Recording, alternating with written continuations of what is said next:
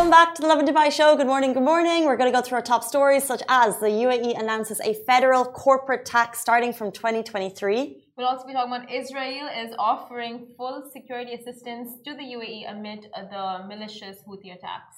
And a new Guinness World Record. The youngest ever certified yoga instructor is nine years old and he lives in Dubai.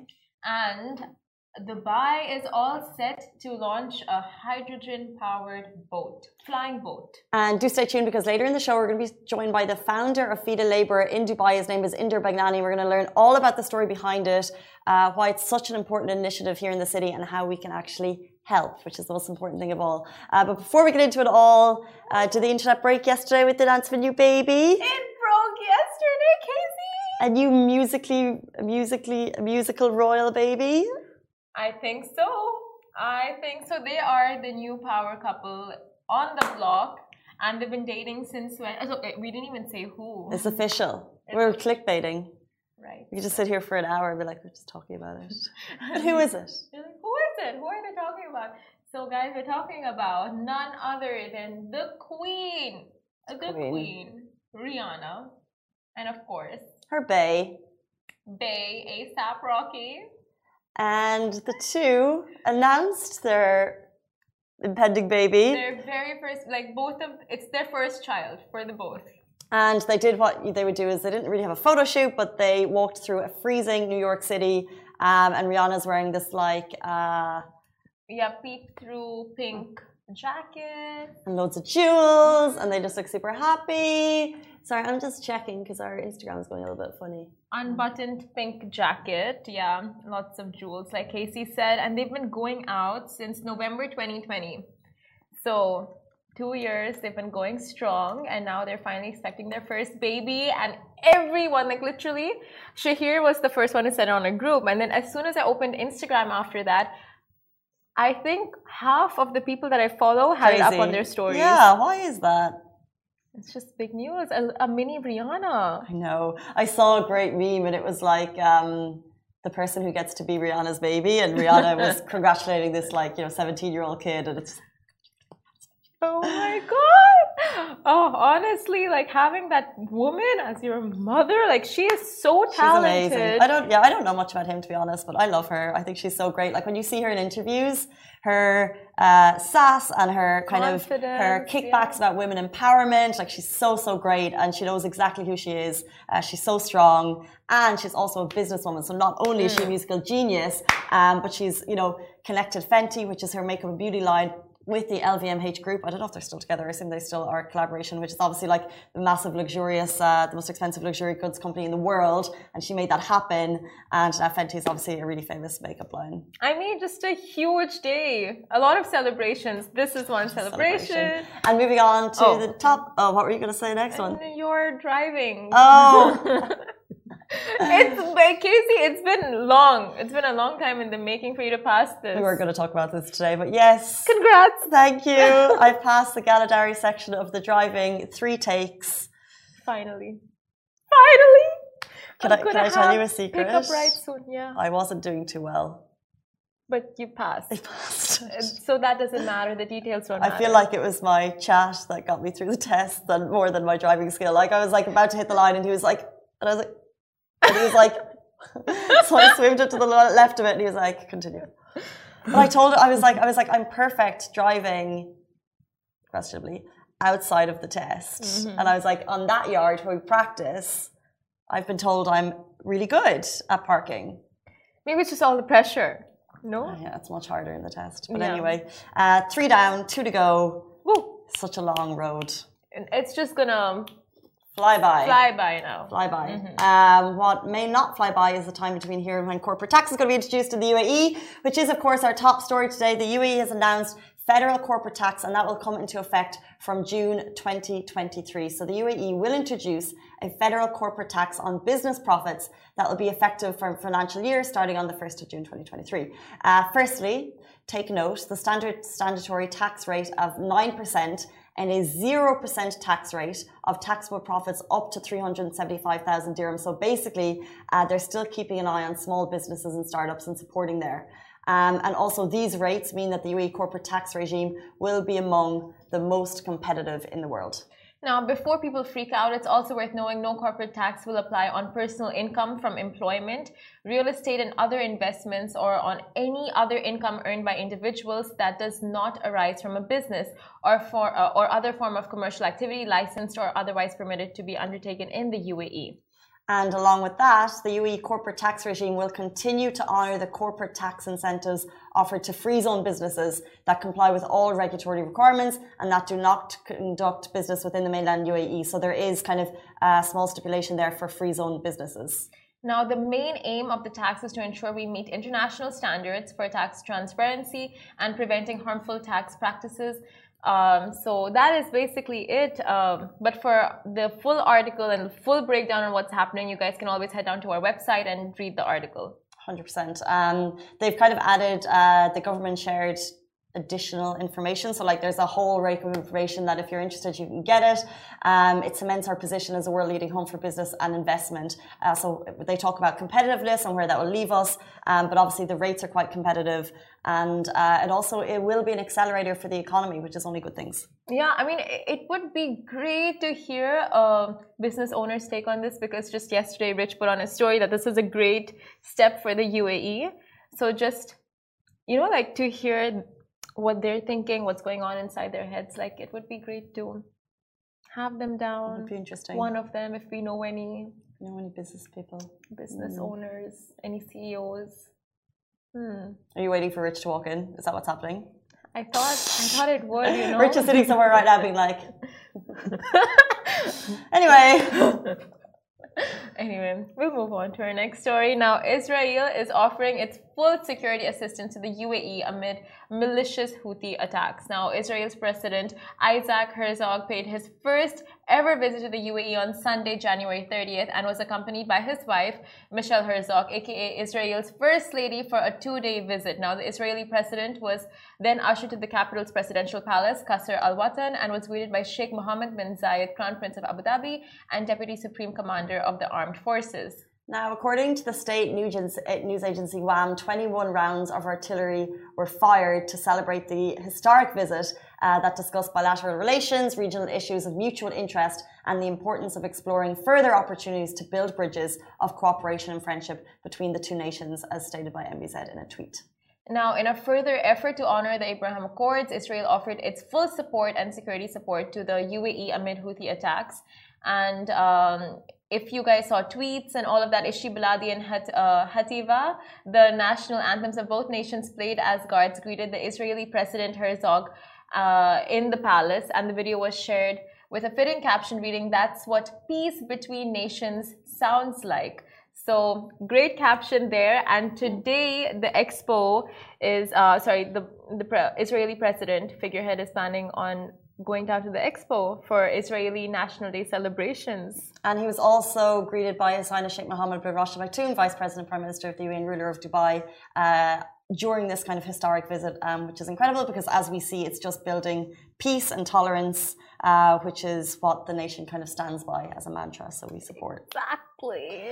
Uh, let's jump into our next story. The youngest ever certified yoga instructor in the world Guinness World Record certified is a nine-year-old living in Dubai. So the nine-year-old, uh, he is actually nine years and 220 days old, was achieved by Reyansh Surani on 27th July 2021. Uh, he received a certification from the Anand Shekhar Yoga School after completing the 200 hours teachers training course.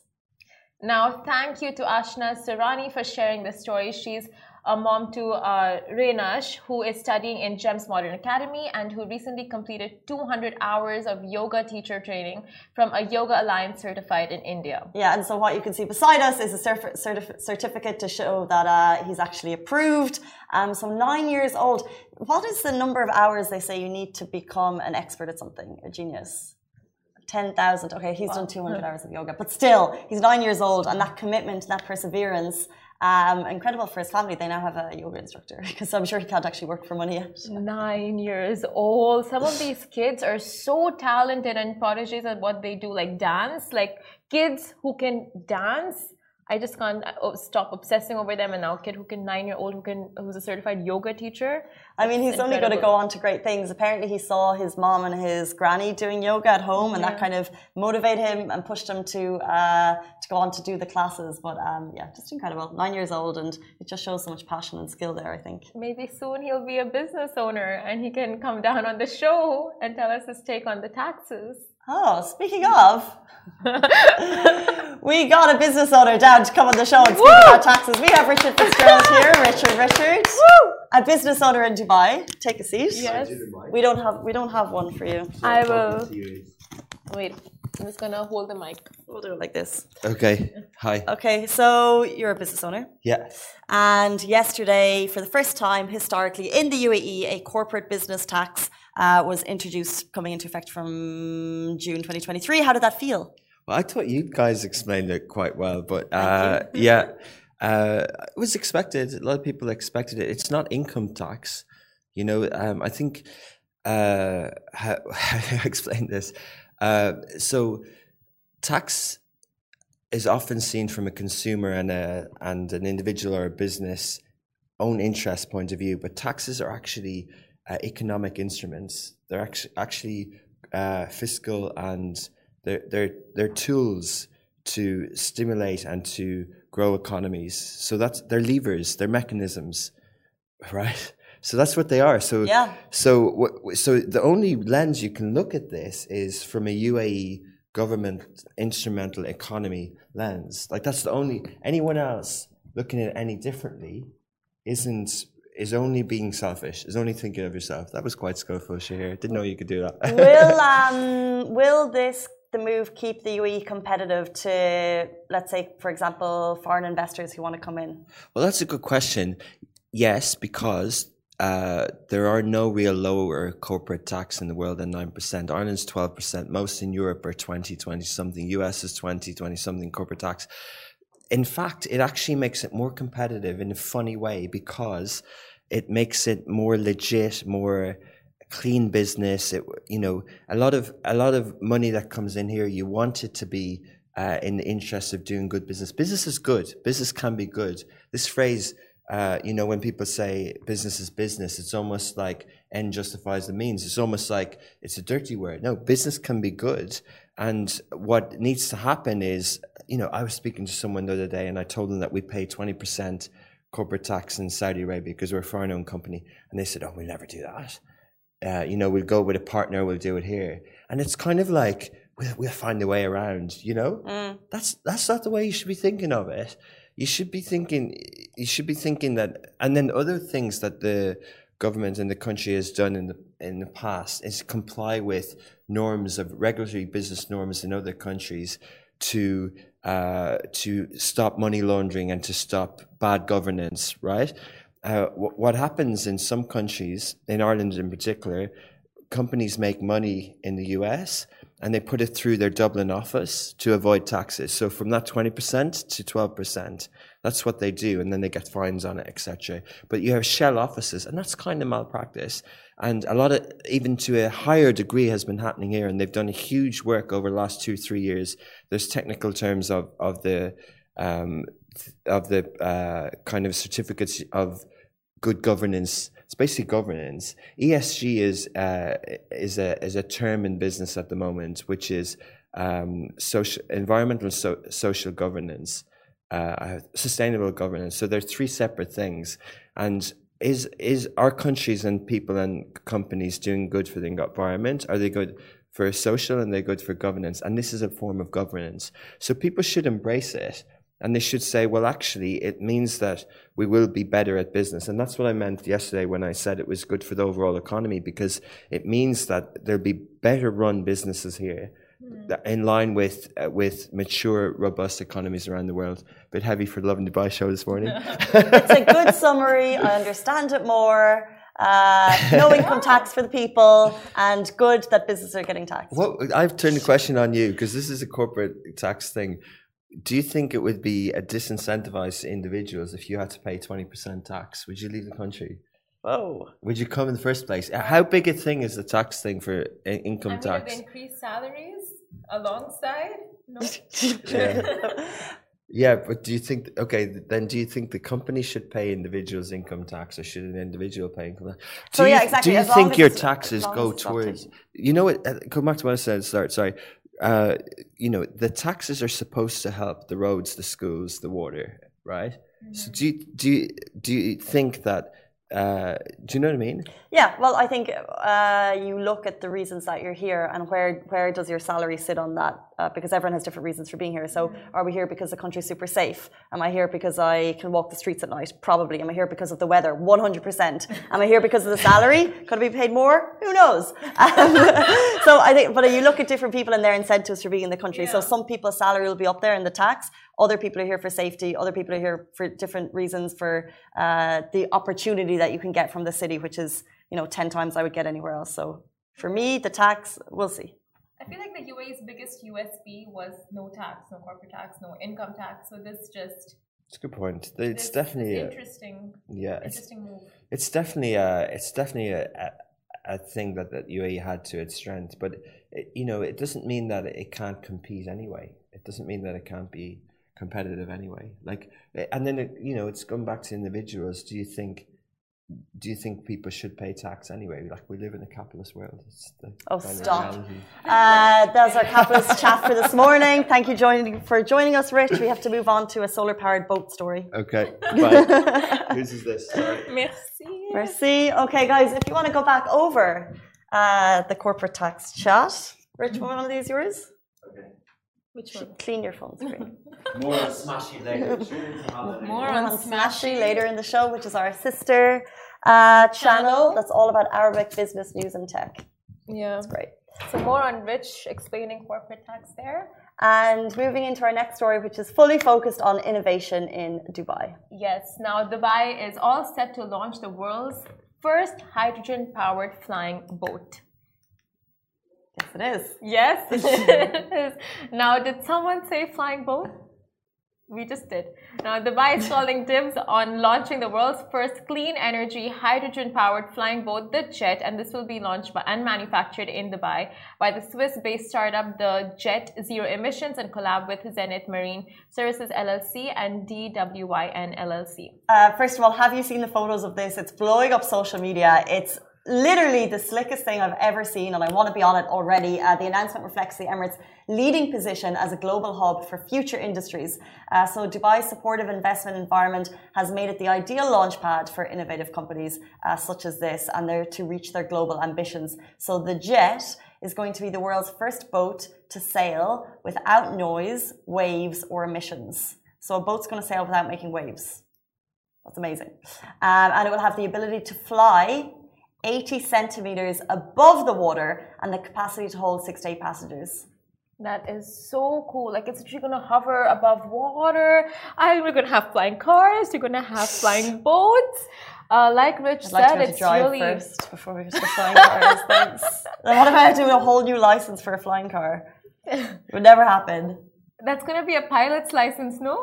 Your pilot's license, So know. literally, we're gonna be pilots and drivers, and we can, with that one license, we can practically drive all kinds of vehicles, flying mobiles, vehicles. Yeah. So does that get bring to a plane or plane, jets, cars, boats, I don't know. flying motorbikes. So all I'm thinking when I think of this boat, my mind is too small to actually get there. So I'm just thinking of like the hover things that you see on uh, this on on the sea that like that are awesome though. They're like surfboards that people go across. Yeah, the sea. yeah. Like they're incredible.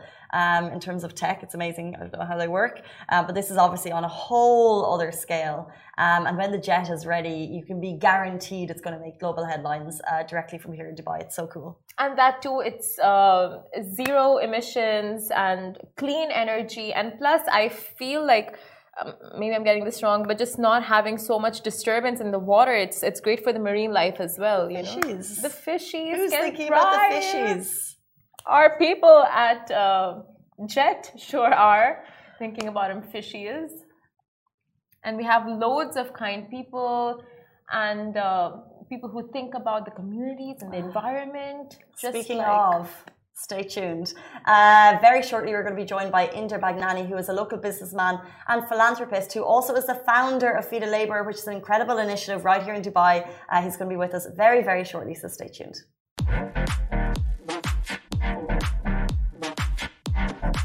And I said, you know, I, I enjoy, do, enjoy doing this, so why not cater to a lot more people? And then we created a Facebook group, and that's how people started coming forward, and then we increased and increased. So we used to give to about 100 people, and now every weekend it's about 2,000. Wow. But we don't give cooked food items. Uh-huh. Of course, keeping the bylaws in mind, uh, we give non-cooked food items. So like uh, we give them fruits, vegetables, uh, labanaps, juices, chips, uh, croissants. So every weekend you're feeding 2,000 people. Yeah. That's amazing. And um, so going back to it started in a cafeteria. Yeah. So how did you kind of grow from there? Did you go to different cafeterias? Did you go to, I guess, uh, labor accommodation facilities? Yes. So uh, I, what we do is, as a Feed-A-Labour, we go to a construction site where the construction has just begun. And uh, because I'm very close to this industry, I'm into real estate, so I understand the efforts being put in behind, you know, building uh, these high rises. Uh, so uh, I go to a construction site. I take the permissions from the engineers, from the uh, owners of that building. So it takes about three years for any high rise to get constructed, three to three and a half years. So every Saturday we go to that site till it's completed. And when the laborers move out, we also move out, and then we look for another sites. So we choose different locations. So previously we were doing in uh, Qusais, Badubai, and uh, Business Bay. But for now we're just doing in uh, Bur Dubai and Business Bay. So in total it's about 2,000. And I guess, are you, if you're there, you know, uh, consecutively for every week, do you start building relationships? And, Yeah. and what is the reaction of the people? Oh, they they get super excited. It's like how we look for our weekends, they look for that particular Saturday, Really? and they're like, uh, so it was it was uh, so nice last week. In fact, uh, so whilst we give, we I, I tend to talk to them like you know, how's your work going? How's your family? If you have kids, and so on and so forth. So like, sir, every weekend you get us uh, vegetables. Uh, there's a family who donates uh, fruits and vegetables, and we usually bring in lebanon ups. It's like, can we get some pack of biscuit because now it's cold? We would love to have with our tea. I said, oh, why not? Yes, of course. You know, if there's anything else, do let me know. I said, no, I think that should suffice. I said, okay. So I just put in the group. I said, hey guys, you know, they asked for a pack of biscuits. If anybody want to come forward and probably donate.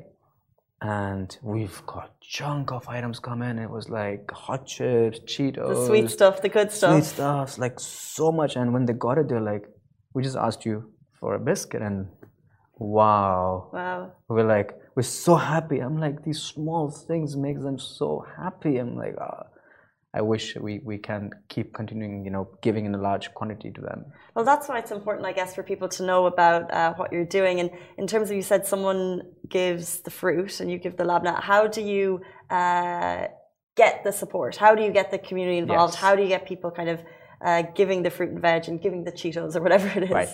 So it's been now 397 weeks since I started, and it's been non-stop even during COVID. Um, so the beauty of Feed-A-Labour is we don't collect cash, so no donations. Of course, that's Dubai laws. We can't raise funds. Uh, we don't take any of your goods. If you want, just you know, I've got calls that hey, you know, I've got thousand packs of chips. Can I get it delivered to your house? I trust you. Why don't you go and deliver it? I said, sorry, no. The whole purpose of Feed-A-Labour is we don't need your money. I need your time. So once you give your time to someone who cannot give anything back to you, that's that's what I want you to experience it. So it's very easy for you to say, hey, you know what, I want to give you 500 dirhams every month from my salary. Go and do it. But that you can earn it back. Mm-hmm. But what about your time? For someone who's never gonna give you any benefit. So the whole purpose of Feed-A-Labour is we want you to go take the effort, go to supermarket or in a wholesaler, buy these items, load them in, come to the site. Now the weather is good, but in the summers you actually feel it. Even standing there for just 10 minutes, we've had people fainted, we've had people getting, you know, issues with dehydrations. Come to the site, give with your own hand, and get the feeling because that's priceless. You know, so we give cash. Yes, I mean everybody has their own way of distributing or you know doing their charity, but uh, I, I personally feel that time is a commodity which can never be gained back, and especially you know for someone who can never give anything back to us. Just then, a thank you or probably a smile or just even nothing. You know, a lot of laborers just say thank you, sir. Some don't even say anything, but it's just the feeling which we gain at the beginning of the week. Now it's like the weekend. It's it's just priceless. Talk to us about uh, any of the people that you've met and the reactions that you've gotten from them.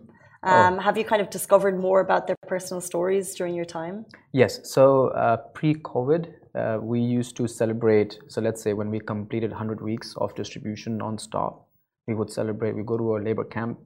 Uh, you know, we gather a group of people. We would distribute uh, the quantity uh, of the labor, the number of labor at the camp. So if there are 3,000 people, our aim was to increase the number of quantities. So we distributed uh, about 22 items, which is 3,000 per item at the labor camp. So that's your vests, you know, uh, t-shirts, uh, washing powders, uh, fruits, labans.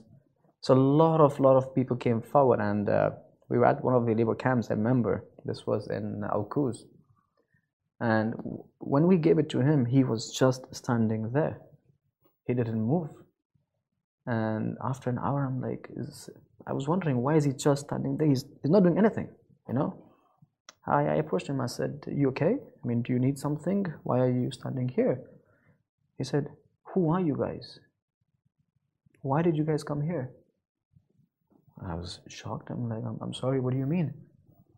He said, "Nobody has ever done this for us." And he said, "Can I just hug you because I've been seeing you running around organizing things. I just wanted to hug you and say thank you because you thought about us. These things, yeah, could be small for you guys, but it's it's quite big for us. And you know, can I just hug you and say thank you? Oh my God, I was like, that was the most emotional hug ever I've received, and I can never forget that moment. You know, so that has been, that has been the most memorable day for me. In fact, Wow, that's so touching. These, you know, these guys Yeah. are building the city, yeah. um, and for them to to say to you, for one to say to you that he felt that no one had ever seen him, Yeah. and that you're the first person to actually acknowledge and thank. And he said, "Why are you giving it to us?" And uh, you know, uh, what we said is, uh, the reason we're giving it to you is to appreciate what you guys are doing. It's always easy to appreciate people of our level. So if we are working with, you know, if we're in a company and we have colleagues and they do they do something for us, it's very easy for us to appreciate because we feel they are of our level. But sometimes, you know, probably you could see the pride, the ego comes in when somebody's below us. It's very difficult to go down there and say, hey, you know what, thank you for doing this for me. It's very easy to say thank you to someone above us It's interesting. always because we always feel they're more empowering and we're below them. But what about when you say thank you? Can you say thank you to someone, a cleaner? Someone who adds no value to your life, but mm-hmm. probably just even you know opening a door for you or doing something. So uh, yes, we cannot go out to thousands of laborers and say you know uh, thank you, but that's one of our way of giving them back and you know just appreciating their hard work. Yes, they're doing for the company, they're earning it, they're earning well, they're living a good lifestyle in Dubai compared to back in India and Africa. Uh, but I just feel that it's you know you know it's our responsibility to appreciate those who are below us. Do you have any idea of the scale of the number of people you've helped since you started back in 2014? Uh, yeah, it's crossed over half a million already. Wow.